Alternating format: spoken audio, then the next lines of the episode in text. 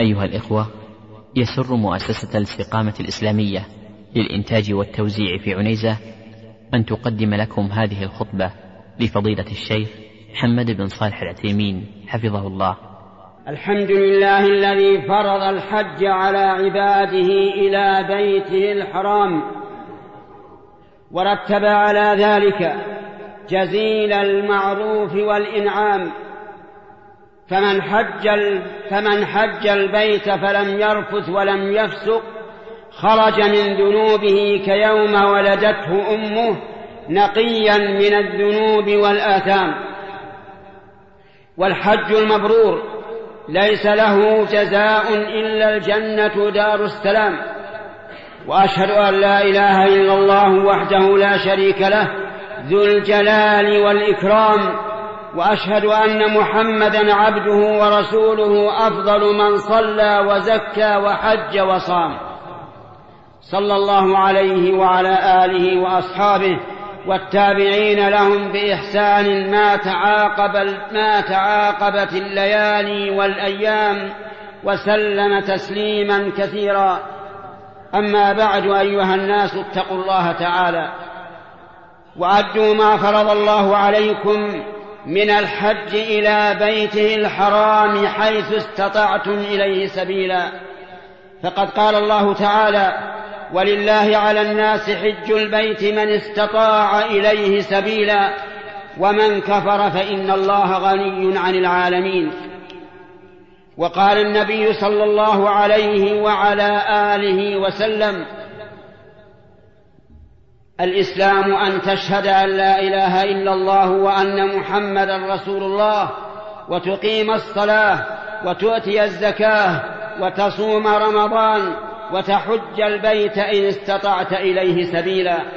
وأخبر النبي صلى الله عليه وعلى آله وسلم أن الإسلام بني على هذه الخمس فلا يتم إسلام عبد حتى يحج حتى يحج ولا يستقيم ولا يستقيم بنيان إسلامه حتى يحج. وعن عمر بن الخطاب رضي الله عنه قال لقد هممت أن أبعث رجالا إلى هذه الأمصار فينظروا كل من كان له جدة أي غنى ولم يحج حتى ولم يحج فليضربوا عليهم الجزية ما هم بمسلمين ما هم بمسلمين. ففريضة الحج ثابتة بكتاب الله وسنة رسول الله وإجماع المسلمين عليها إجماعا قطعيا. فمن أنكر فريضة الحج فقد كفر ومن أقر بها وتركها تهاونا فهو على خطر. فإن الله يقول ومن كفر فإن الله غني عن العالمين بعد أن ذكر فريضة الحج على الناس. فكيف تطيب نفس المؤمن أن يترك الحج أن يترك الحج مع قدرته عليه بماله وبدنه؟ وهو يعلم أنه من فرائض أنه من فرائض الإسلام. وكيف يبخل بالمال على نفسه؟ في أداء فريضة الحج وهو ينفق الكثير من ماله فيما تهواه نفسه. وكيف يوفر نفسه عن التعب في الحج وهو يرهق نفسه في التعب في أمور دنياه. وكيف يتثاقل فريضة الحج وهو لا يجب في العمر إلا مرة واحدة. وكيف يتراخى ويؤخر أداءه وهو لا يدري لعله لا يستطيع الوصول إلى البيت بعد عامه. فاتقوا الله عباد الله وأدوا ما فرض الله عليكم من الحج. وأدوا ما فرض الله عليكم من الحج تعبدا لله تعالى ورضا بحكمه وسمعا وطاعة لأمره إن كنتم مؤمنين. قال الله عز وجل وما كان لمؤمن ولا مؤمنة إذا قضى الله ورسوله أمرا أن يكون لهم الخيرة من أمرهم ومن يعص الله ورسوله فقد ضل ضلالا مبينا. إن المؤمن إذا أدى إذا أدى الحج والعمرة بعد بلوغه مرة واحدة فقد أسقط فقد أسقط الفريضة عن نفسه وأكمل بذلك أركان إسلامه. ولم يجب عليه بعد ذلك حج ولا عمرة إلا أن ينذر الحج أو العمرة فيلزم فيلزمه الوفاء بما نذر لقول النبي صلى الله عليه وعلى آله وسلم من نذر أن يطيع الله فليطعه. وإذا كان الحج لا يجب في العمر إلا مرة واحدة فلا ينبغي أن يحزن المؤمن فيما قررته الحكومة وفقها الله ألا يكرر الإنسان الحج إلا بعد خمس سنوات. فإن الحكومة إنما نظمت تنظيما ولم تمنع الحج. فالإنسان يحج الفريضة ولا بد. أما النافلة فإن هذا التنظيم يقصد به مصلحة كل من الطرفين. مصلحة من يؤدي الفريضة ومصلحة من يؤدي النافلة لأن من يؤدي الفريضة إذا خف الزحام كان أداؤه لها أيسر وأسهل وأقوم وأصلح. وأما من أد وأما من حج النافلة فإنه فإنه يستطيع أن يأتي بما يكفر الذنوب من غير الحج. فقد قال النبي صلى الله عليه وعلى آله وسلم من قال سبحان الله وبحمده في اليوم مر مئة مرة غفرت ذنوبه أو قال خطاياه وإن كانت مثل زبد البحر. ومن قال سبحان الله والحمد لله والله أكبر ثلاثا وثلاثين دبر كل صلاة وكمل المئة بقوله لا إله إلا الله وحده لا شريك له له الملك وله الحمد وهو على كل شيء قدير. غفرت ذنوبه وإن كانت مثل زبد البحر. ومن صام رمضان إيمانا واحتسابا غفر الله له ما تقدم من ذنبه. ومن قام رمضان إيمانا واحتسابا غفر الله له ما تقدم من ذنبه.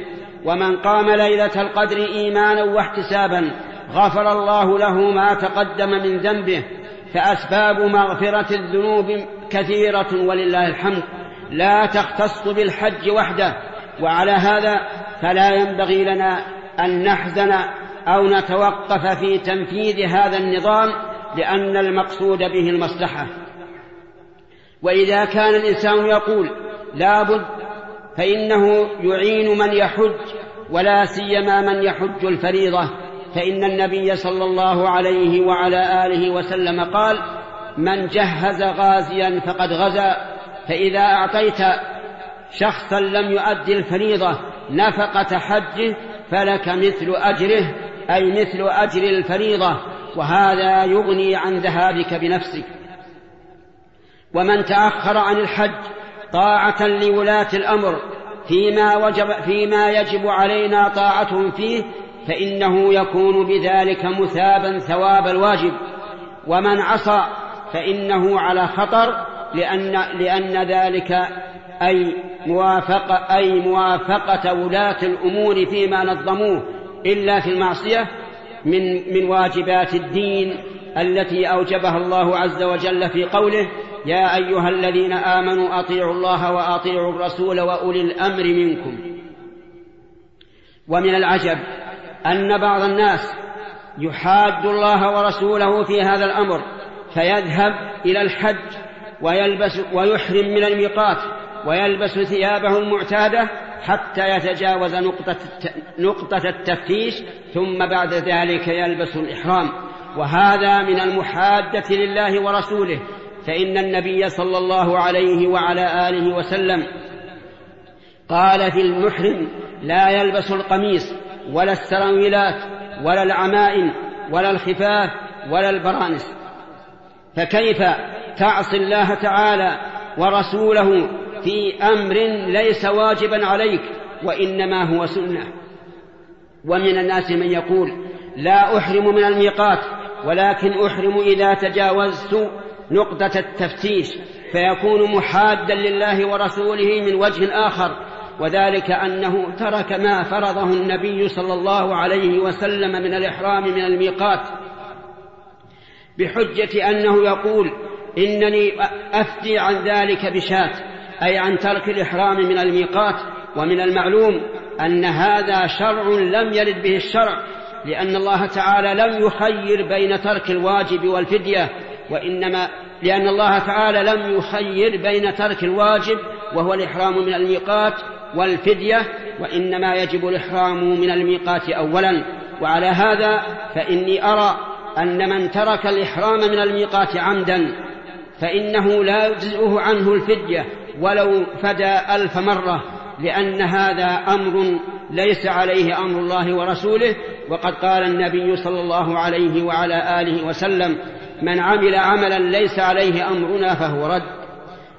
أيها الإخوة المواطنون أيها الإخوة المسلمون على الأصح أيها الإخوة المسلمون إن العبادة ليست ما تمليه العاطفة على الإنسان ولكن العبادة ما دل عليه كتاب الله وسنة رسوله صلى الله عليه وعلى آله وسلم.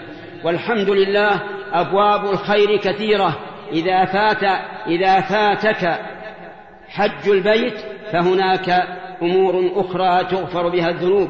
ثم إنه لم يفتك عن تهاون وكسل ولكنه فاتك طاعة لله عز وجل حيث أمرك أن تطيع ولاة الأمر فيما يرونه مصلحة.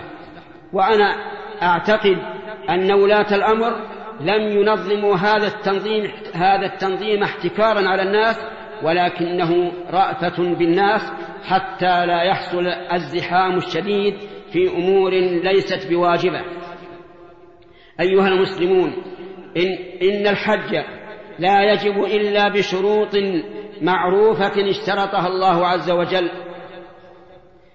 فمن شروط وجوب الحج أن يكون الإنسان مستطيعا بماله وبدنه لأن الله تعالى شرط ذلك, شرط ذلك للوجوب في قوله من استطاع إليه سبيلا.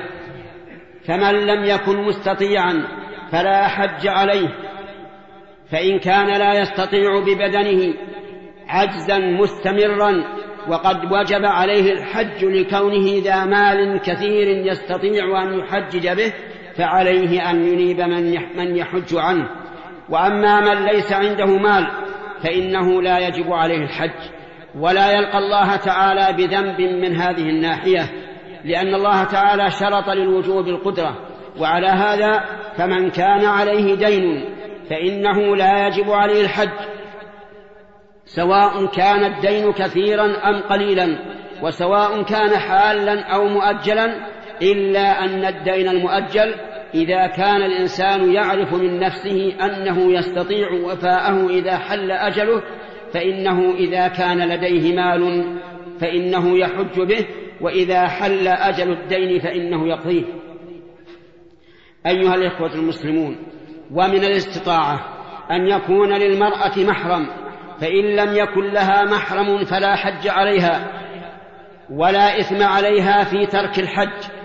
ولو لقيت الله عز وجل للقيته غير عاصية له لأن نبينا صلى الله عليه وعلى آله وسلم خطب الناس فقال لا يخلون رجل بامرأة إلا ومعها ذو محرم ولا تسافر امرأة إلا مع ذي محرم. فقام رجل فقال يا رسول الله إن امرأتي خرجت حاجة وإني اكتتبت في غزوة كذا وكذا فقال النبي صلى الله عليه وعلى آله وسلم انطلق فحج مع امرأتك. فأمره النبي صلى الله عليه وعلى آله وسلم أن يحج مع امرأته مع أنه قد كتب مع الغزاة ولم يستفصل النبي صلى الله عليه وعلى آله وسلم هل كانت امرأته شابة أم عجوزا جميلة أم قبيحة معها نساء أو, أو ليس معها نساء آمنة أو خائفة وهذا يدل على وجوب المحرم للمرأة في السفر على كل حال. أيها الإخوة المسلمون من رأى من نفسه أنه قد استكمل شروط وجوب الحج فعليه المبادرة به ولا يتأخر فإن الإنسان لا يدري ما يعرض له. قد يكون اليوم قادرا ببدنه وغدا غير قادر. قد يكون المال قد يكون اليوم قادرا بماله وغدا ليس بقادر بماله. قد يكون اليوم حيا وغدا ميتا. فاتقوا الله عباد الله وأدوا ما أوجب الله عليكم من الفرائض حتى تفوزوا بذلك يوم يوم تلقون الله عز وجل. اللهم إنا نسألك أن تعيننا على ذكرك وشكرك وحسن عبادتك. اللهم يسرنا لليسرى وجنبنا العسرى واغفر لنا في الآخرة والأولى. سبحان ربك رب العزة عما يصفون وسلام على المرسلين والحمد لله رب العالمين. وصلى الله وسلم على نبينا محمد وعلى آله وصحبه أجمعين. الحمد لله حمدا كثيرا كما أمر وأشكره وقد تأذن بالزيادة لمن شكر وأشهد أن لا إله إلا الله وحده لا شريك له ولو كره ذلك من أشرك به وكفر.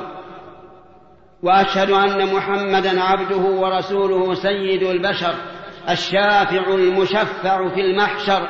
أسأل الله تعالى أن يدخلنا جميعا في شفاعته. اللهم أدخلنا في شفاعة نبينا صلى الله عليه وعلى آله وسلم يا رب العالمين. إنه صلى الله عليه وسلم بلغ الرسالة وأدى الأمانة ونصح الأمة وجاهد في الله حق جهاده فصلوات الله وسلامه عليه وعلى آله وأصحابه ومن تبعهم بإحسان إلى يوم الدين. أما بعد فيا عباد الله اتقوا الله تعالى وفكروا في أنفسكم فقد تأخر المطر عنكم هذا العام كثيرا. وما ذاك إلا لما إلا لما حصل من الذنوب والمعاصي. فاستغفروا الله تعالى إنه كان غفارا. يرسل السماء عليكم مدرارا ويمددكم بأموال وبنين ويجعل لكم جنات ويجعل لكم أنهارا. فكروا في المظالم. هل خرجتم منها؟ فكروا في الواجبات هل أديتموها على الوجه المطلوب؟ أيها الإخوة لقد تكلمنا في الخطبة الأولى بما يسر الله عز وجل من شروط وجوب الحج. وإنني أنصح إخواني الذين يريدون أن يحجوا أن لا يحجوا حتى يعرفوا أحكام الحج والعمرة إما بالقراءة على أهل العلم وإما بمطالعة المناسك التي ألفها من يوثق بعلمهم وأمانتهم. وهي, وهي والحمد لله معروفة. ثم ثم أحثكم أن تصحبوا أن تصحبوا طلبة العلم لأنهم يرشدونكم إذا لم إذا لم ترشدوا ويدلونكم على الخير إذا لم تهتدوا. فليكن معكم طالب علم ولا, ولا سيما أهل الحملات لأنهم مسؤولون عمن تحت رعايتهم. وأهل الحملات كما هو معروف يكون معهم أناس كثيرون يحتاجون إلى إرشاد. لا تفعلوا الشيء من غير علم فتقعوا في محظور لا يمكن رفعه ويوجب الإشكال حتى على أهل العلم. ومسائل الحج غامضة. ليس كل طالب علم يتخلص منها فكيف بالعام؟ لذلك أحثكم على معرفة أحكام النسك حجا وعمرة وعلى مصاحبة أهل العلم حتى تهتدوا بهديهم. واعلموا أن خير الحديث كتاب الله وخير الهدي هدي محمد صلى الله عليه وعلى آله وسلم وشر الأمور محدثاتها وكل محدثة يعني في دين الله بدعة وكل بدعة ضلالة وكل ضلالة في النار. فعليكم بالجماعة فإن يد الله على الجماعة ومن شذ شذ في النار. وأكثروا من الصلاة والسلام على نبيكم محمد صلى الله عليه وعلى آله وسلم. يعظم الله لكم بها أجرا. فإن من صلى عليه مرة واحدة صلى الله عليه بها عشرا. اللهم صل وسلم على عبدك ورسولك محمد. اللهم ارزقنا محبته واتباعه ظاهرا وباطنا. اللهم توفنا على ملته. اللهم احشرنا في زمرته. اللهم أسقنا من حوضه. اللهم أدخلنا في شفاعته. اللهم اجمعنا به في جنات النعيم. مع الذين أنعمت عليهم من النبيين والصديقين والشهداء والصالحين. عباد الله إن إخوانكم في الشيشان إن إخوانكم في الشيشان لفي مصيبة عظيمة. أجلوا من ديارهم إلى الشعاب والجبال وتركوا صبيانهم ونساءهم تحت وطأة أولئك الروس المعتدين الظالمين. فلهم عليكم حق بالدعاء في كل موطن إجابة. فإن الله تعالى يقول وإذا سألك عبادي عني فإني قريب أجيب دعوة الداع إذا دعان فليستجيبوا لي وليؤمنوا بي لعلهم يرشدون. اللهم إنا نسألك في مقامنا هذا في انتظار فريضة من فرائضك أن تعيننا أن تعين إخواننا في الشيشان على الصبر والثبات وأن تقيهم شر عدوهم من الروس يا رب العالمين. اللهم كن خلفهم في أهليهم. اللهم اجبر مصابهم. اللهم فرج كرباتهم يا أرحم الراحمين. اللهم إنا نسألك أن تنزل بأسك الذي لا يرد عن القوم المجرمين في دولة الروس حتى تكون أذل الدول وأخسها وأوضعها يا رب العالمين. اللهم أبدلهم بعد القوة ضعفا وبعد العز ذلا وبعد الغنى فقرا وبعد العلو والاستكبار هوانا وبعد الاجتماع تفرقا وبعد الائتلاف تمزقا إنك على كل شيء قدير. اللهم أرنا بهم عاجلا عجائب قدرتك. اللهم اجعلهم عبرة للناس أجمعين يا رب العالمين. اللهم إنهم خلق من خلقك. قلوبهم بين بين أصابع الرحمن عز وجل. اللهم اللهم اللهم يا ذا الجلال والإكرام فرق جمعهم وشتت شملهم واجعل بين بأسهم بينهم واجعلها حرب شوارع في عاصمتهم يا رب العالمين. إنك على كل شيء قدير. اللهم استجب دعاءنا. اللهم استجب دعاءنا. اللهم استجب دعاءنا يا رب العالمين. إنك على كل شيء قدير. أيها الإخوة استسقوا ربكم عز وجل. في كل موطن إجابة في كل موطن إجابة فإنه قريب مجيب. والناس الآن في حاجة شديدة إلى نزول المطر.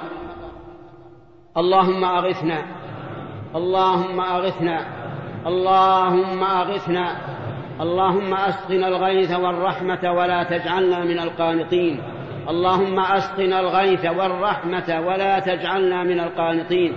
اللهم أسقنا الغيث والرحمة ولا تجعلنا من القانطين. اللهم أنت الغني ونحن الفقراء. اللهم أنت الغني ونحن الفقراء. اللهم أنت الغني ونحن الفقراء. اللهم أنزل علينا الغيث واجعل ما أنزلته قوة لنا وبلاغا إلى حين. اللهم صل وسلم على عبدك ورسولك محمد وعلى آله وصحبه أجمعين. أيها الإخوة يسرنا أن تستمعوا الآن إلى خطبة أخرى. الحمد لله الحمد لله نحمده ونستعينه ونستغفره ونعوذ بالله من شرور أنفسنا ومن سيئات أعمالنا. من يهده الله فلا مضل له ومن يضلل فلا هادي له وأشهد أن لا إله إلا الله وحده لا شريك له وأشهد أن محمدا عبده ورسوله صلى الله عليه وعلى آله وأصحابه ومن تبعهم بإحسان وسلم تسليما كثيرا. أما بعد فيا عباد الله اتقوا الله تعالى واعلموا أن الله تعالى بحكمته ورحمته فرض عليكم فرائض فلا تضيعوها وحد حدودا فلا تعتدوها فرض عليكم تعظيم شعائره وحرماته وجعل ذلك من تقوى القلوب فقال الله تعالى ومن يعظم شعائر الله فإنها من تقوى القلوب. وقال ومن يعظم حرمات الله فهو خير له عند ربه. وقال إن الصفا والمروة من شعائر الله. ألا؟ وإن من شعائر الله الحج والعمرة. كما قال الله عز وجل إن الصفا والمروة من شعائر الله. فعظموا هذه المناسك. فإنها عبادة عظيمة. ونوع من الجهاد في سبيل الله. سألت أم المؤمنين عائشة رسول الله صلى الله عليه وعلى آله وسلم فقالت هل على النساء جهاد؟ قال عليهن جهاد لا قتال فيه الحج والعمرة. أدوا هذه العبادة مخلصين لله عز وجل معظمين لشعائر الله واعلموا أنكم في عبادة من حين أن تحرموا حتى حتى تحلوا وتنهوا مناسككم. وقد بين الله سبحانه وتعالى في كتابه وفي سنة رسوله صلى الله عليه وعلى آله وسلم ما يتجنبه المحرمون بحج أو عمرة. قال الله عز وجل فمن فرض فيهن الحج فلا رفث ولا فسوق ولا جدال في الحج وما تفعلوا من خير يعلمه الله وتزودوا فإن خير الزاد التقوى واتقون يا أولي الألباب. قوموا لله تعالى بما أوجب عليكم من الطهارة والصلاة في جماعة في أوقاتها والنصح للمسلمين وبذل المعروف وكف الأذى واجتنبوا ما, واجتنبوا ما حرم الله عليكم من المحرمات العامة والخاصة فاجتنبوا الفسوق بجميع أنواعه اجتنبوا الكذب واجتنبوا الغش والخيانة والنميمة والغيبة والاستهزاء بالمسلمين والسخرية منهم وأذيتهم واجتنبوا الاستماع إلى المعازف إلى المعازف والأغاني المحرمة واجتنبوا التدخين وهو شرب الدخان فإنه حرام في حال الحل والإحرام لما فيه من ضرر الأبدان وضياع الأموال. فمن شرب الدخان وهو محرم بحج أو عمرة فإن, فإن نسكه يكون ناقصا. لأنه عصى الله عز وجل في قوله تعالى فلا رفث ولا فسوق والإدمان على شرب الدخان من الفسوق. واجتنبوا أيها المسلمون اجتنبوا ما حرم الله عليكم من المحرمات الخاصة بالإحرام وهي ما يسميه العلماء محظورات الإحرام. فاجتنبوا الرفث وهو الجماع ومقدماته من اللمس والتقبيل والنظر لشهوة وتلذذ. فإن, فإن الجماع أعظم محظورات الإحرام. وأشدها تأثيرا فمن جامع في الحج قبل التحلل الأول فإنه يترتب على جماعة أمور أولا الإثم وثانيا فساد حجه وثالثا لزوم إنهائه و... لزوم إنهائه ورابعا قضاؤه من العام المقبل وخامسا فدية وهي بدنة ينحرها ويتصدق بها على الفقراء. في مكة أو أو منى. واجتنبوا الأخذ من شعر الرأس فإن الله تعالى يقول ولا تحلقوا رؤوسكم حتى يبلغ الهدي محلة. وألحق بذلك كثير من العلماء أو أكثرهم شعر بقية البدن فقالوا إنه تحرم إزالته كشعر الرأس. وقاسوا على ذلك أيضا ازاله إزالة الأظفار. وقالوا لا يجوز للمحرم أن يأخذ شيئا من شعره أو أظفاره إلا إذا انكسر ظفره فآذاه فله أخذ المؤذي منه فقط. فمن حلق رأسه لعذر أو غيره فعليه فدية لقول الله تعالى ففدية من صيام أو صدقة أو نسك. وبين النبي صلى الله عليه وعلى آله وسلم أن الصيام ثلاثة أيام وأن الصدقة إطعام ستة مساكين لكل مسكين نصف صاع وأما الشاة فهي ما يجزئ في الأضحية. واجتنبوا قتل الصيد فإن الله تعالى يقول يا أيها الذين آمنوا لا تقتلوا الصيد وأنتم حرم. والصيد هنا هو هو الصيد البري المأكول المتوحش طبعا أي في أصل الخلقة سواء كان طائرا كالحمام أم سائرا كالظباء والأرانب. فمن قتل صيدا متعمدا فعليه الجزاء وهو إما ذبح ما يماثله من الإبل أو البقر أو الغنم فيتصدق به على المساكين في على المساكين في مكة أو منى. وإما تقويمه بدراهم يتصدق بما يساويها من الطعام على المساكين في مكة أو منى وإما أن يصوم وإما أن يصوم عن إطعام وإما أن يصوم عن إطعام كل مسكين يوما. وأما قطع الشجر فلا علاقة له بالإحرام فيجوز للمحرم وغير المحرم قطع الشجر إذا كان خارج الحرم مثل عرفة ولا يجوز إذا كان داخل الحرم مثل مزدلفة ومنى ومكة إلا ما غرسه الآدمي بنفسه فله قطعه.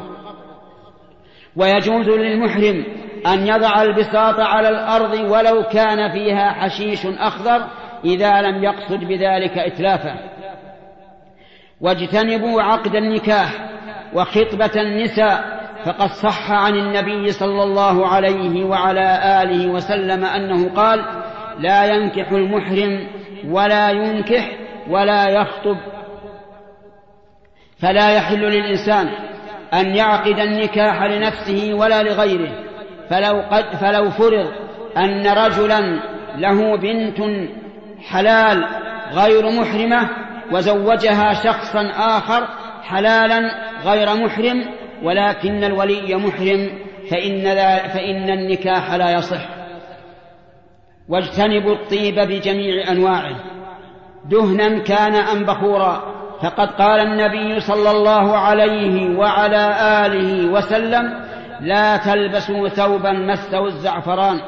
وقال في الرجل الذي مات بعرفة وهو محرم اغسلوه بماء وسدر ولا تخمروا رأسه.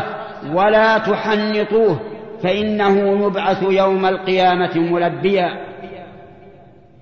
وذلك أن رجلا كان واقفا بعرفته بعرفة فوقصته ناقته فمات فأتوا إلى رسول الله صلى الله عليه وعلى آله وسلم يسألونه ماذا يصنعون به فقال ما سمعتم اغسلوه بماء وسدر ولا تخمروا رأسه أي لا تغطوه ولا تحن ولا تحنطوه وكفنوه في ثوبيه فإنه يبعث يوم القيامة ملبيا أي كفنوه بثياب الإحرام التي كانت عليه حتى يبعث يوم القيامة وهو يقول لبيك اللهم لبيك.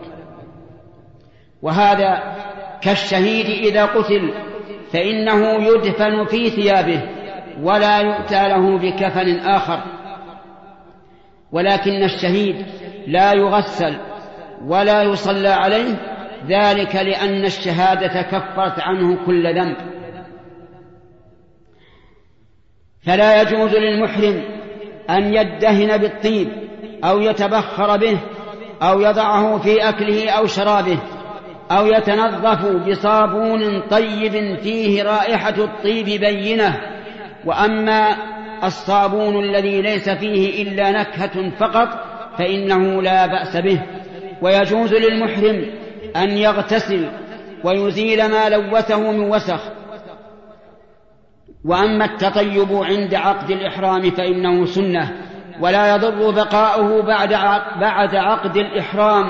فقد قالت عائشة رضي الله عنها كنت أطيب رسول الله صلى الله عليه وعلى آله وسلم لإحرامه قبل أن يحرم وقالت كأني أنظر إلى وبيص المسك أي إلى بريقه ولمعانه في مفارق رسول الله صلى الله عليه وعلى آله وسلم وهو محرم. واجتنبوا تغطية الرأس. وهذا خاص بالرجال.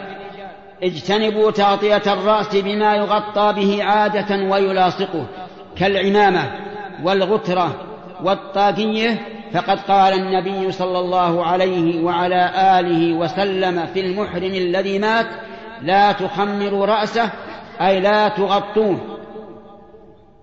فأما ما لم تجر العادة بكونه غطاء كالعفش يحمله المحرم على رأسه فلا بأس به وكذلك ما لا يلاصق الرأس كالشمسية ونحوها فلا بأس بذلك.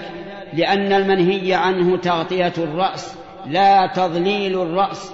وعن أم الحسين رضي الله عنها قالت حججت مع النبي صلى الله عليه وعلى آله وسلم حجة الوداع فرأيت أسامة وبلالا وأحدهما آخذ بخطام ناقة النبي صلى الله عليه وعلى آله وسلم والآخر رافع ثوبه يستره من الحر حتى رمى جمرة العقبة. أما المرأة فإنه يجوز لها أن تغطي رأسها وأما وجهها فالمشروع لها كشفه إلا أن يراها الرجال غير المحارم فيجب عليها ستره ولا يجوز لها أن تلبس النقاب ولا البرق حال الإحرام. واجتنبوا من اللباس ما نهى عنه النبي صلى الله عليه وعلى آله وسلم.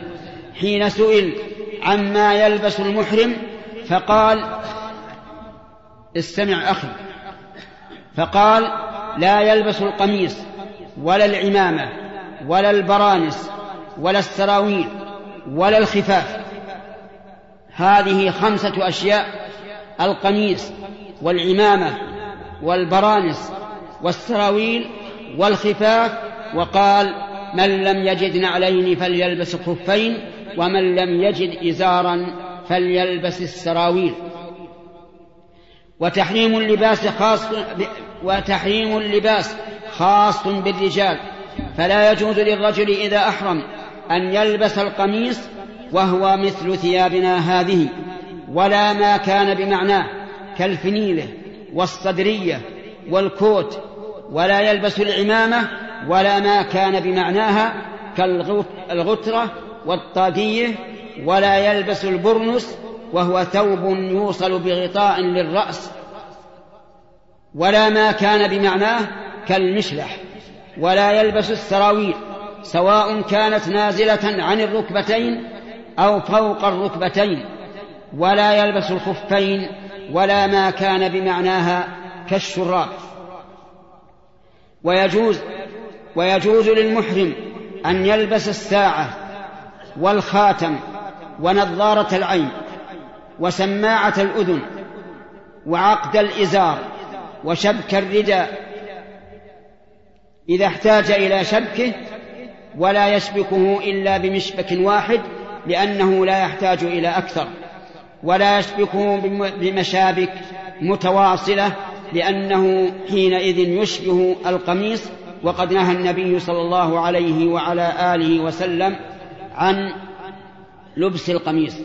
ويجوز للمرأة أن تلبس ما شاءت من الثياب من الثياب المباحة لها قبل الإحرام غير متبرجة بزينة لأن النساء ليس لهن ثياب خاصة للإحرام. ويحرم على الرجل وعلى المرأة أيضا لبس القفازين وهما شراب اليدين. ويجوز للرجل والمرأة أن يغير ثياب الإحرام إلى ثياب أخرى يجوز لبسها سواء غيرها لوسخ أو نجاسة أو غيرهما. فافهموا أيها المسلمون محظورات الإحرام واجتنبوها واحرصوا أن تؤدوا المناسك على الوجه الأكمل. فإن الحج المبرور ليس له جزاء إلا الجنة. وفقني الله وإياكم لصالح الأعمال وجنبنا جميعا سيء الأعمال وحمانا من التفريط والإهمال. إنه جواد كريم واسع الفضل والنوال. والحمد لله رب العالمين. وصلى الله وسلم على نبينا محمد وعلى آله وصحبه أجمعين. الحمد لله حمدا كثيرا كما أمر وأشكره وقد تأذن بالزيادة لمن شكر وأشهد أن لا إله إلا الله وحده لا شريك له ولو كره ذلك من أشرك به وكفر وأشهد أن محمدا عبده ورسوله سيد البشر الشافع المشفع في المحشر صلى الله عليه وعلى آله وأصحابه ومن تبعهم بإحسان ما بدا الفجر وأنور وسلم تسليما كثيرا.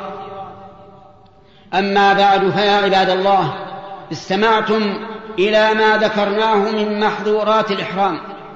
واعلموا أن الله تعالى قال في كتابه العزيز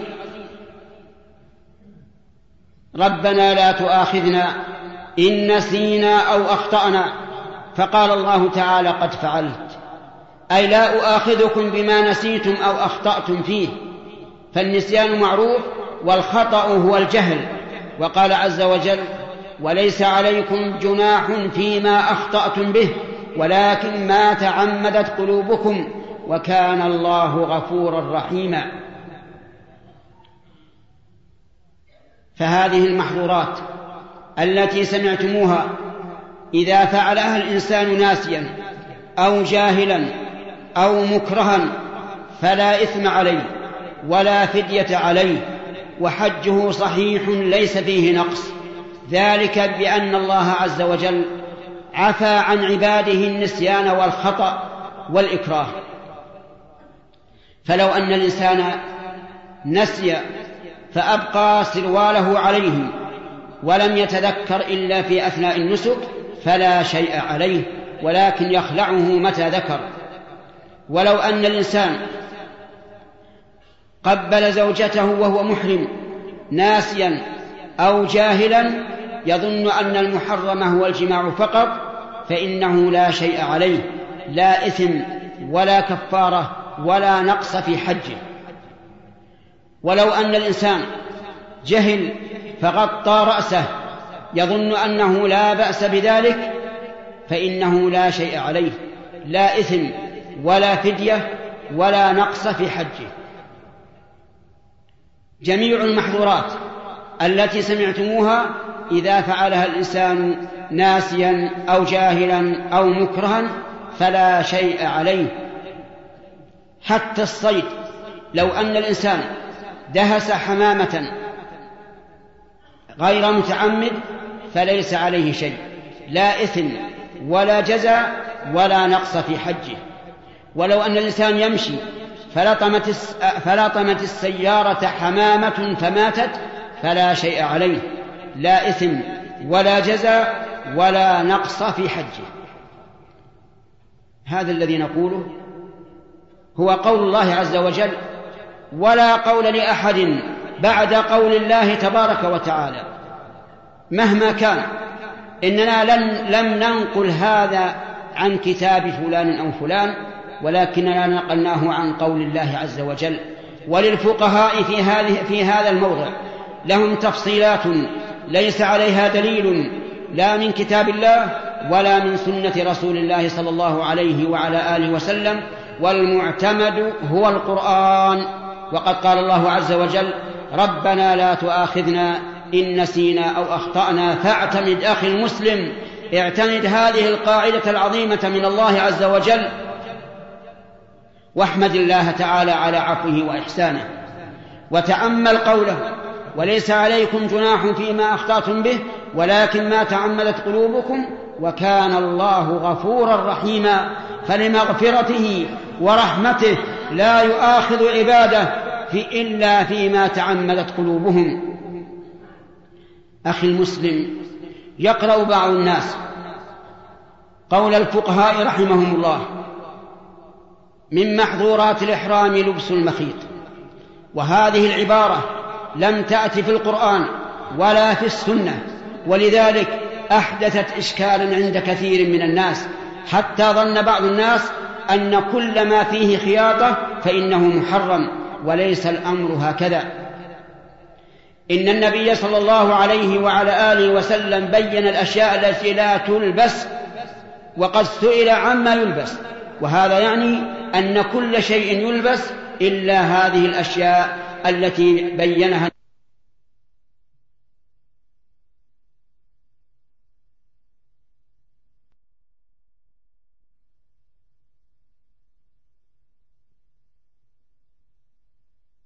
أن كل شيء يلبس إلا هذه الأشياء التي بينها النبي صلى الله عليه وعلى آله وسلم وقد سمعتموها في الخطبة الأولى. يسأل بعض الناس عن لبس النعال المخروزة؟ فنقول لا بأس بها. لماذا يسأل؟ لأنه سمع أن لبس المخيط محرم. وليس الأمر كذلك. يسأل بعض الناس عن الرداء المرقع. هل يجوز أم لا؟ لأنه قد خيط. فنقول لا حرج ولا بأس لأنه رداء جائز اللبس سواء كان طبقة واحدة أم طبقتين وسواء كان سليما أم مرقعا. ولذلك لو أن الإنسان لبس قميصا طبقة واحدة لم يخيط بل نسج على أنه قميص فإن ذلك حرام عليه مع أنه لا خياطة فيه. فالعبرة بما حرمه الرسول صلى الله عليه وسلم لا بغيره. يسأل بعض الناس عن الإزار إذا كان مخيطا هل يجوز أم لا؟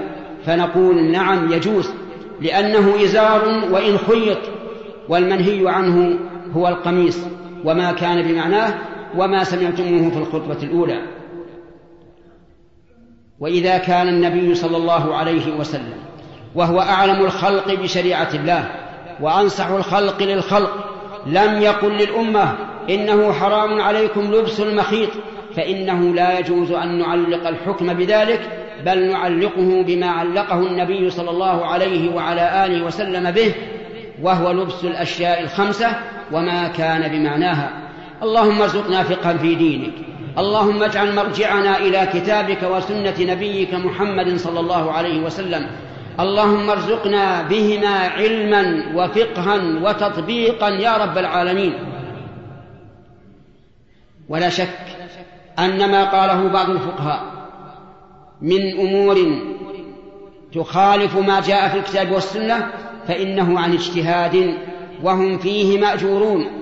لأن من اجتهد من هذه الأمة ولله الحمد فله أجران إن أصاب وله أجر واحد إن اجتهد. فنسأل الله تعالى أن يثيبهم على ما تعبوا فيه من بيان الحق وهم في ذلك مجتهدون.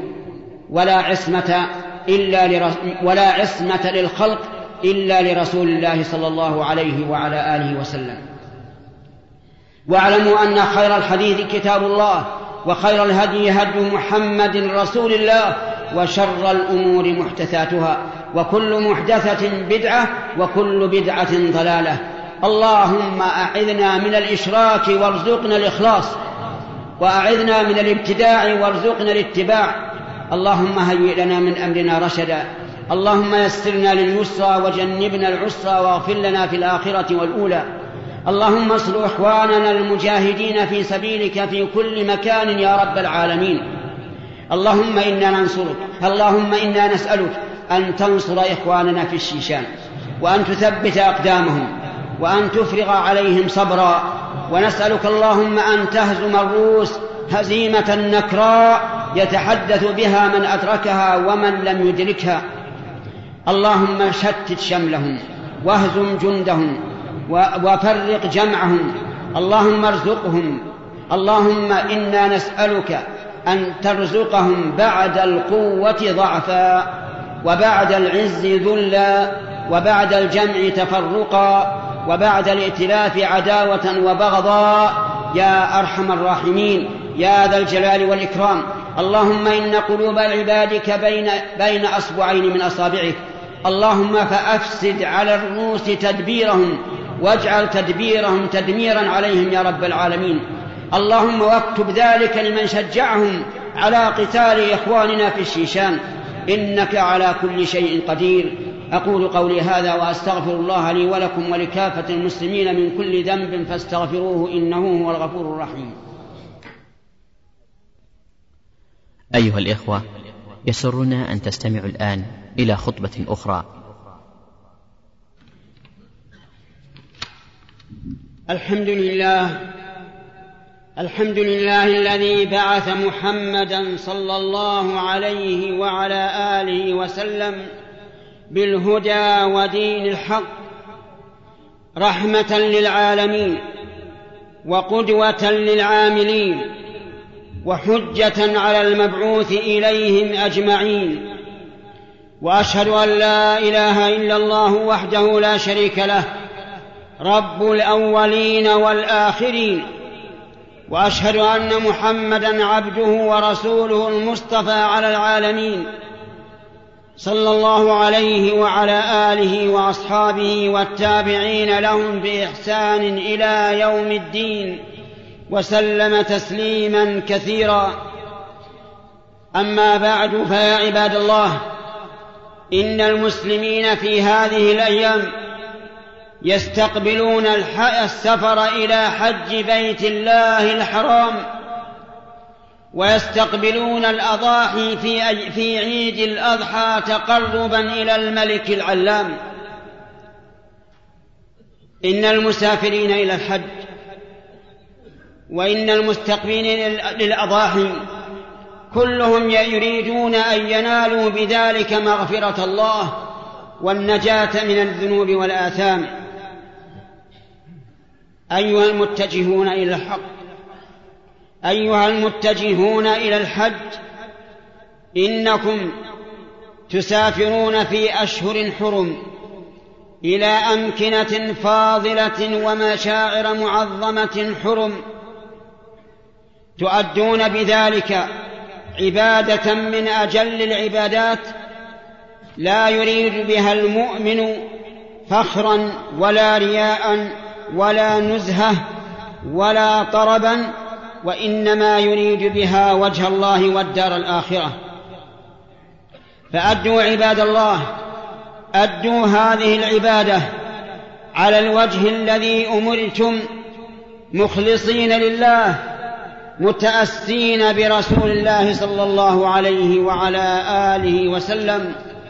لأن الله عز وجل يقول وما امروا الا ليعبدوا الله مخلصين له الدين حنفاء ويقيموا الصلاه ويؤتوا الزكاه وذلك دين القيمه ويقول سبحانه وتعالى لقد كان لكم في رسول الله اسوه حسنه لمن كان يرجو الله واليوم الآخر وذكر الله كثيرا ولقد حج النبي صلى الله عليه وعلى آله وسلم. وكان يقول لأمته خذوا عني مناسككم. أيها أيها الإخوة المسافرون إلى الحج قوموا في سفركم وإقامتكم بما أوجب الله عليكم في الطهارة والصلاة وغيرهما من شعائر الدين. إذا وجدتم الماء فتطهروا به. إذا وجدتم الماء فتطهروا به للصلاة. فإن لم تجدوا ماء فتيمموا صعيدا طيبا فامسحوا بوجوهكم وأيديكم منه. أدوا الصلاة جماعة ولا تشتغلوا عنها بشيء فإن صلاة الجماعة تفوت والشغل لا يفوت. لأنه يمكن قضاؤه فيما بعد.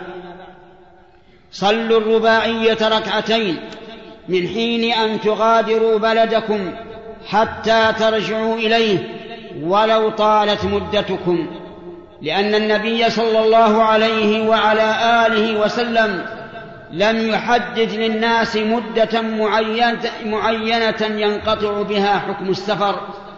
فما دام الإنسان مغادرا لبلده فهو مسافر حتى يرجع إليه.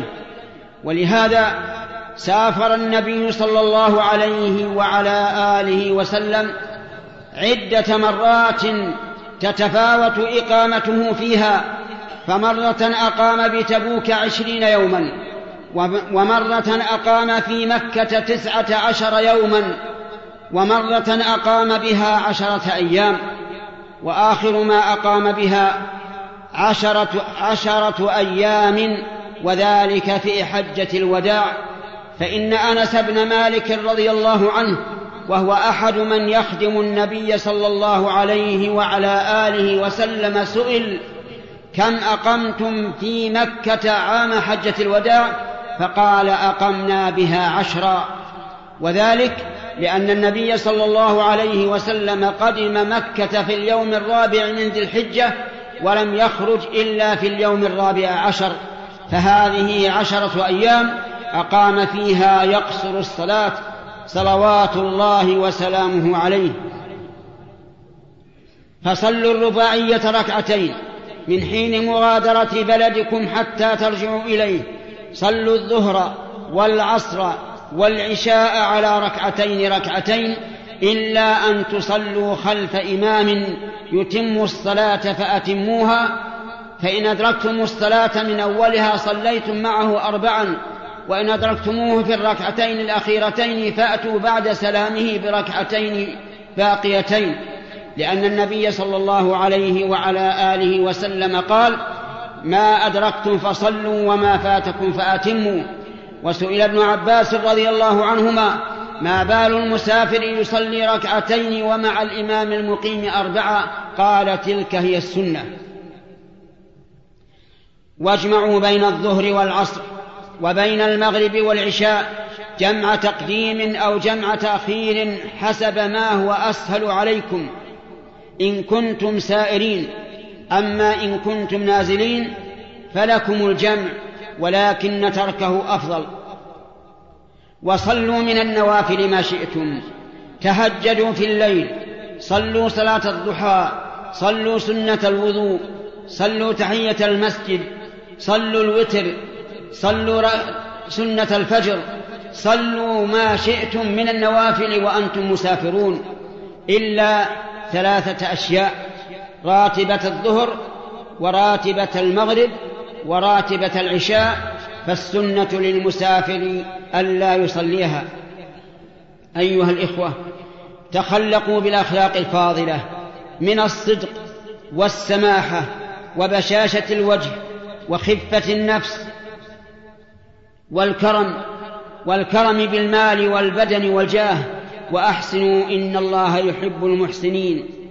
واصبروا على المشقة والأذى فإن الله مع الصابرين.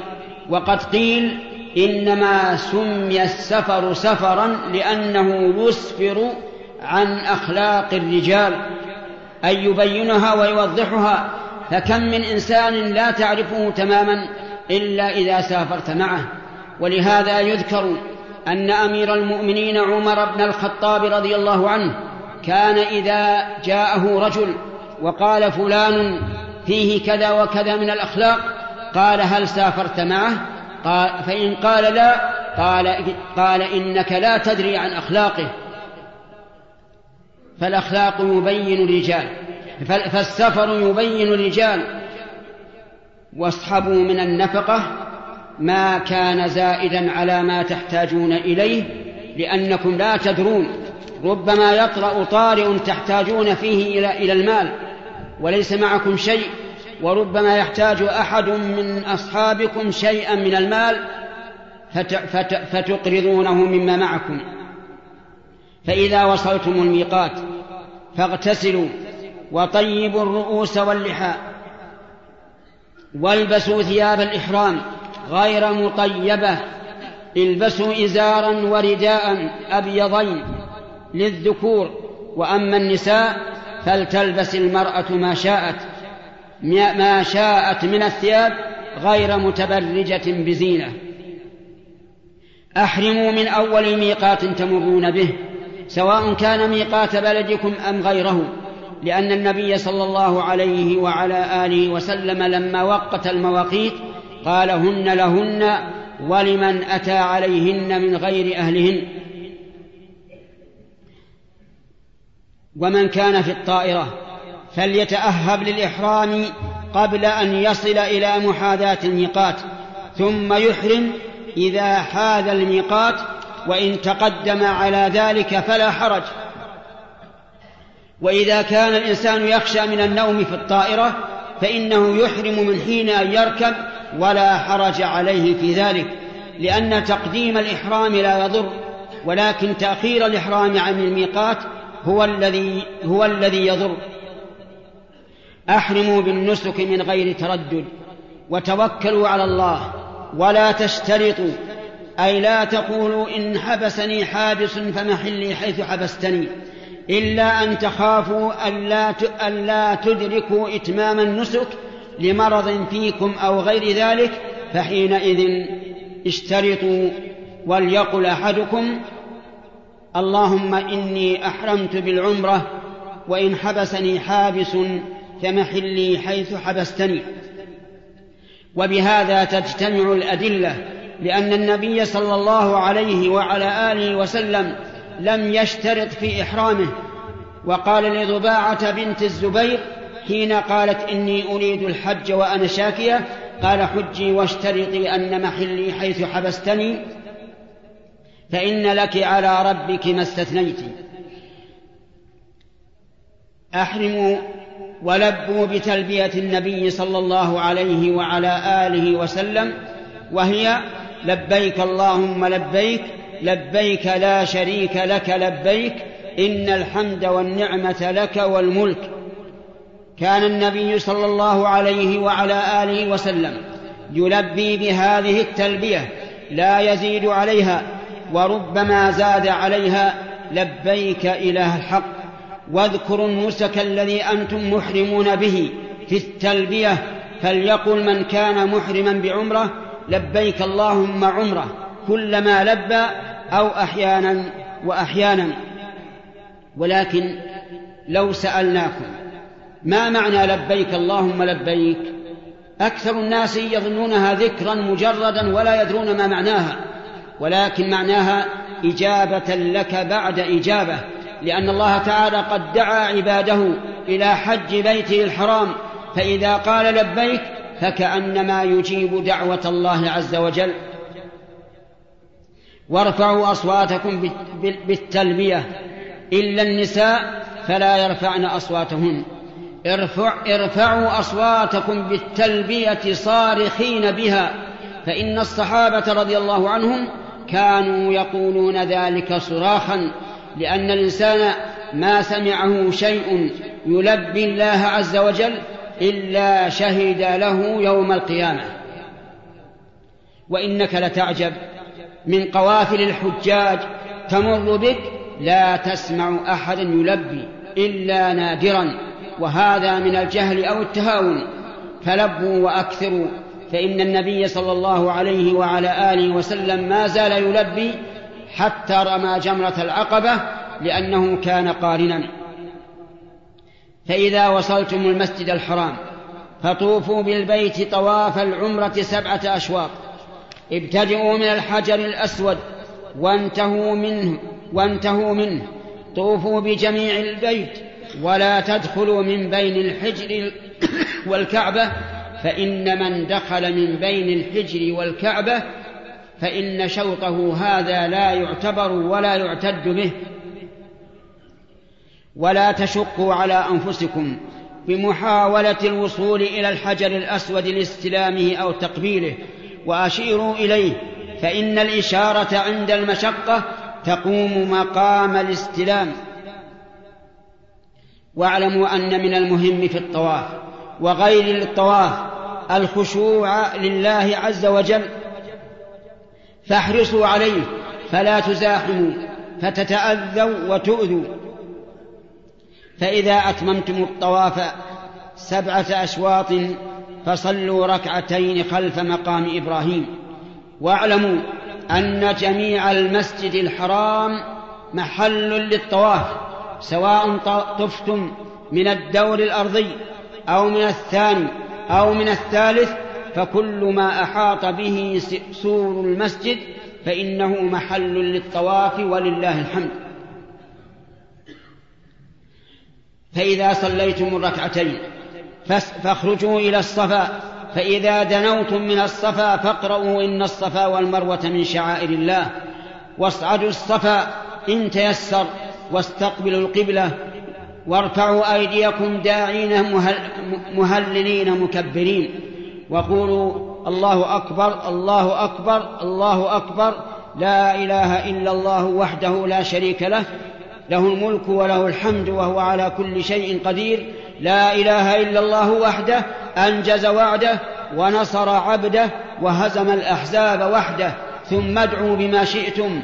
ثم اعيدوا الذكر مرة أخرى ثم ادعوا بما شئتم ثم اعيدوا الذكر مرة ثالثة ولا تعيدوا الدعاء بعده بل انحدروا إلى المروة فإذا وصلتم العلم الأخضر الأول فاسعوا شديدا إن تيسر لكم وإلا فلا حرج.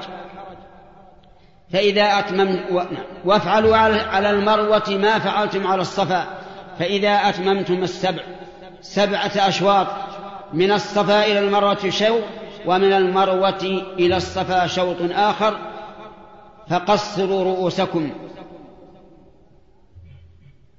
تقصيرا عاما لجميع الرأس. ثم قد حللتم من كل شيء حرم عليكم بالإحرام وانتظروا إلى اليوم الثامن من ذي الحجة فإذا كان اليوم الثامن من ذي الحجة فأحرموا بالحج من المكان الذي أنتم فيه.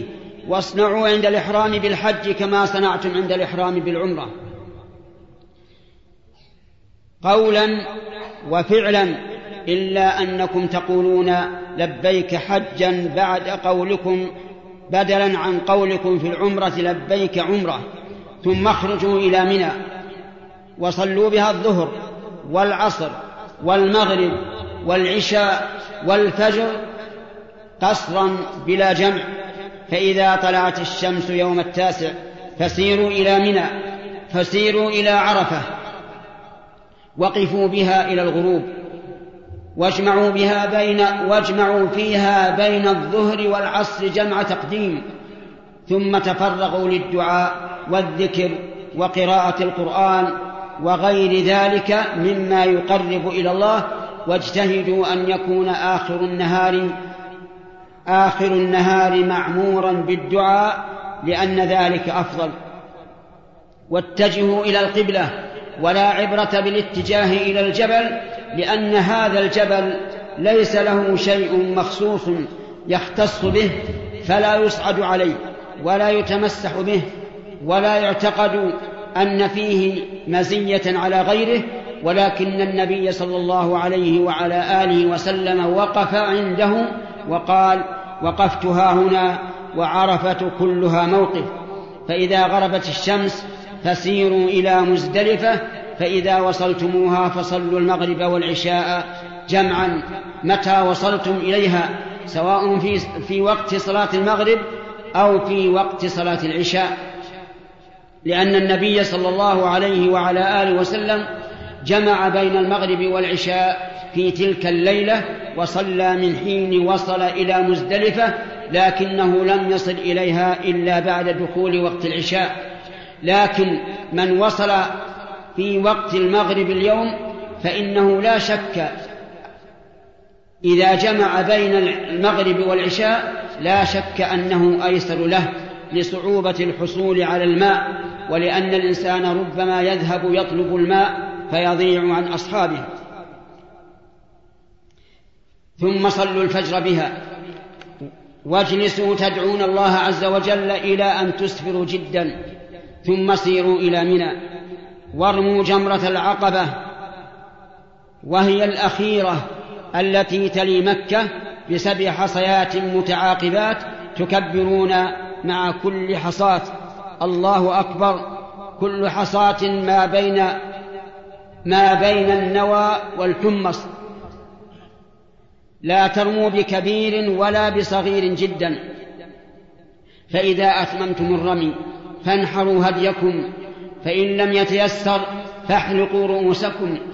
ثم قد حللتم من كل شيء حرم عليكم بالإحرام إلا النساء. ثم انزلوا إلى مكة وطوفوا بها طواف الإفاضة واسعوا بها سعي الحج. أيها الإخوة لعلكم الآن أدركتم أنكم إذا وصلتم إلى منى يوم العيد. رميتم أولا ثم نحرتم ثم حلقتم ثم طفتم ثم سعيتم.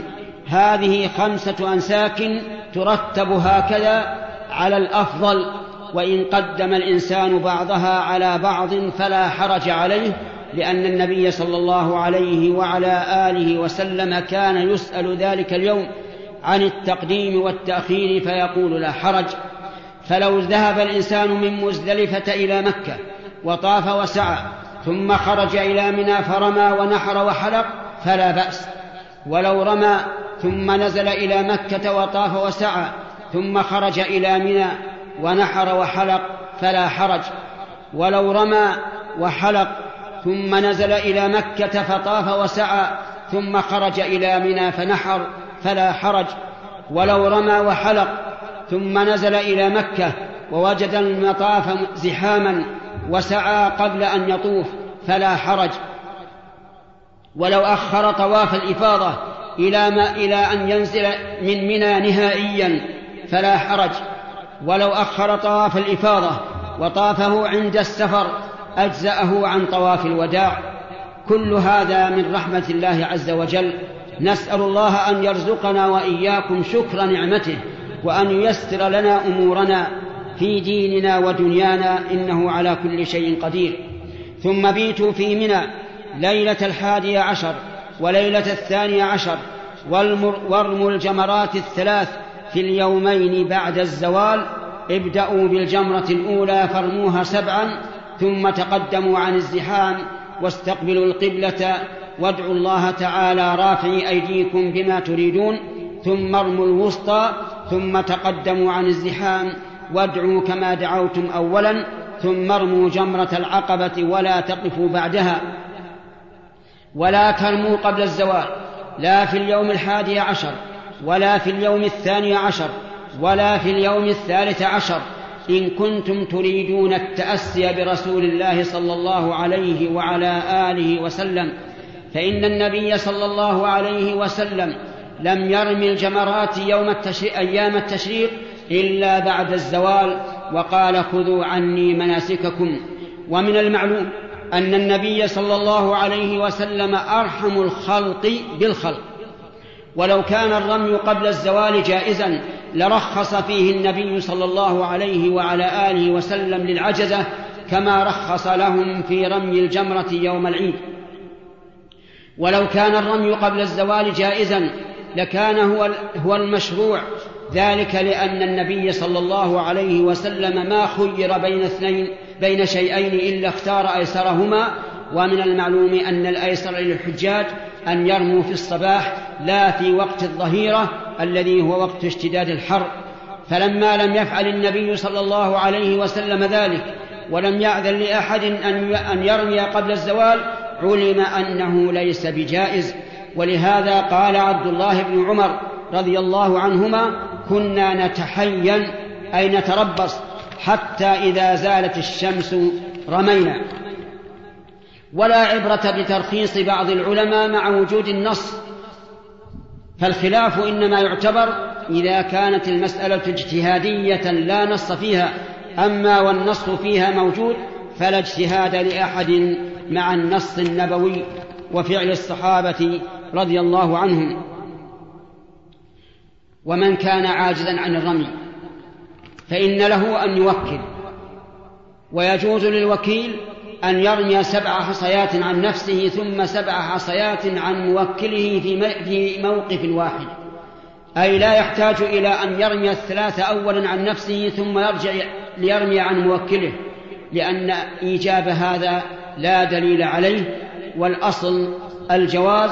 والصحابة رضي الله عنهم كانوا يرمون عن الصبيان ولم ينقل عنهم أنهم يتممون الثلاث ثم يرجعون إلى الأولى للصبيان. وقد ذكرت ذلك لشيخنا عبد الرحمن بن سعدي رحمه الله حينما قلت له إن الشيخ عبد العزيز بن باز رحمه الله يقول إن ظاهر فعل الصحابة أنهم لا يتممون الثلاثة ثم يرجعون إلى أن يرموا عن الصبيان. فاستحسن ذلك شيخنا عبد الرحمن بن سعدي رحمه الله. وكان ظاهر كلام الفقهاء أنه لا بد أن يكمل الثلاث عن نفسه ثم يعود إلى الثلاث مرة أخرى لموكله. ولكن فتح الله سبحانه وتعالى بما ذكر شيخنا عبد العزيز بن باز أنه أن ظاهر فعل الصحابة عدم الرجوع إلى الجمرة الأولى للموكل. وقد استحسن ذلك شيخنا عبد الرحمن بن سعدي رحمه الله فاتفق الشيخان على ذلك ولله الحمد. فإذا رميتم الثلاث الجمرات الثلاث في اليوم الثاني عشر فإن شئتم فانزلوا إلى مكة متممين الحج وإن شئتم فابقوا إلى اليوم الثالث عشر وارموا الجمرات كما سبق. ومن عزم على التعجل ثم سار ليرمي ولكن منعه الزحام ولم يحصل له الرمي إلا بعد غروب الشمس فليرمي وليستمر في تعجله لأنه قد نوى التعجل وقد فعل ما استطاع من أفعال المتعجل ولكن حبسه حابس فلا يضره أن تغيب الشمس قبل أن يرمي فليرمي فليرمي ثم ليستمر في تعجله لقول النبي صلى الله عليه وعلى آله وسلم إنما الأعمال بالنيات وإنما لكل امرئ ما نوى وهذا نوى التعجل وفعل ما يقدر عليه منه ولا يكلف الله نفسا إلا وسعها. أيها الإخوة هذه نبذ من صفة الحج والعمرة أسأل الله تعالى أن يرزقنا وإياكم علما نافعا وعملا صالحا ورزقا طيبا واسعا وأسأل الله أن يجعلنا ممن يعبد الله على بصيرة وأن يهدينا صراطه المستقيم وأن يحشرنا مع الذين أنعم الله عليهم من النبيين والصديقين والشهداء والصالحين إنه جواد كريم. والحمد لله رب العالمين وصلى الله وسلم على نبينا محمد وعلى آله وصحبه أجمعين. الحمد لله حمدا كثيرا كما أمر وأشكره وقد تأذن بالزيادة لمن شكر وأشهد أن لا إله إلا الله وحده لا شريك له ولو كره ذلك من أشرك به وكفر. وأشهد أن محمدا عبده ورسوله سيد البشر الشافع المشفع في المحشر. وأسأل الله تعالى لي ولكم أن تنالنا شفاعته يوم الدين. صلى الله عليه وعلى آله وأصحابه ومن اقتدى بهم في أقوالهم وأفعالهم والتابعين لهم بإحسان إلى يوم الدين. أما بعد أيها المسلمون إنكم تستقبلون في هذه الأيام العشر الأول من شهر ذي من شهر ذي الحجة وتستقبلون الأضاحي من لم يحج منكم. أما الأول فإن عشر ذي الحجة لها مزية عظيمة في الأعمال الصالحة. قال النبي صلى الله عليه وعلى آله وسلم ما من أيام العمل الصالح فيهن أحب إلى الله من هذه الأيام العشر. أي عمل صالح أحب إلى الله؟ لا يوجد. عمل صالح أحب إلى الله في يوم من الأيام مثل أيام العشر الأولى من ذي الحجة. قالوا يا رسول الله ولا الجهاد في سبيل الله؟ قال ولا الجهاد في سبيل الله. إلا رجل خرج بنفسه وماله فلم يرجع من ذلك بشيء.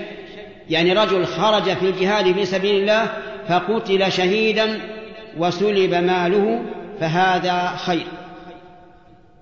هذه الأيام العشر اكثروا فيها من الذكر ومن قراءة القرآن ومن الصدقات ومن الصلاة وصوموها لأن الصوم من الأعمال الصالحة. بل إن الله تعالى اختص به لنفسه فقال الصوم لي وأنا أجزي به. أكثروا فيها من الأعمال الصالحة ليلا ونهارا.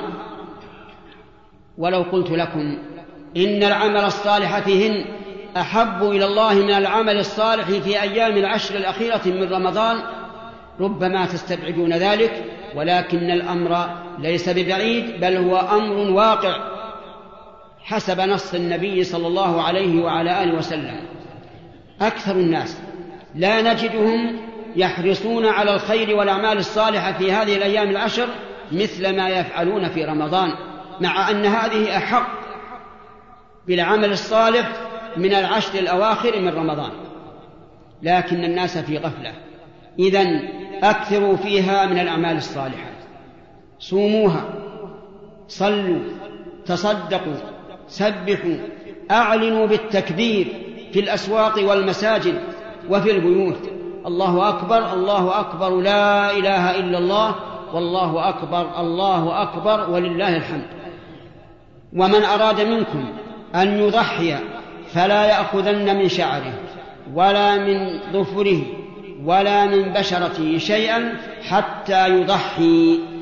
هكذا قال النبي صلى الله عليه وعلى آله وسلم. قال إذا دخل العشر وأراد أحدكم أن يضحي فلا يأخذن من شعره ولا من ظفره وبشرته شيئا. هذا بالنسبة لمن يضحي. أما من يضحى عنه فلا حرج عليه. وعلى هذا فيكون الرجل إذا أراد أن يضحي عن أهله هو الذي يجتنب الأخذ من هذا. وأما العائلة فلا حرج عليهم. تستقبلون أيضا الأضاحي وهي شعيرة من شعائر الله ومن يعظم شعائر الله فإنها من تقوى القلوب. فمن كان منكم ذا قدرة أي عنده مال فليضحي ولا يدعن الأضحية فإن ترك الأضحية مع القدرة عليها مكروه بل قال بعض أهل العلم إن الأضحية واجبة. وهذا هو ظاهر كلام شيخ الإسلام ابن تيمية رحمه الله أن من كان قادرا على الأضحية وجب عليه أن يضحي.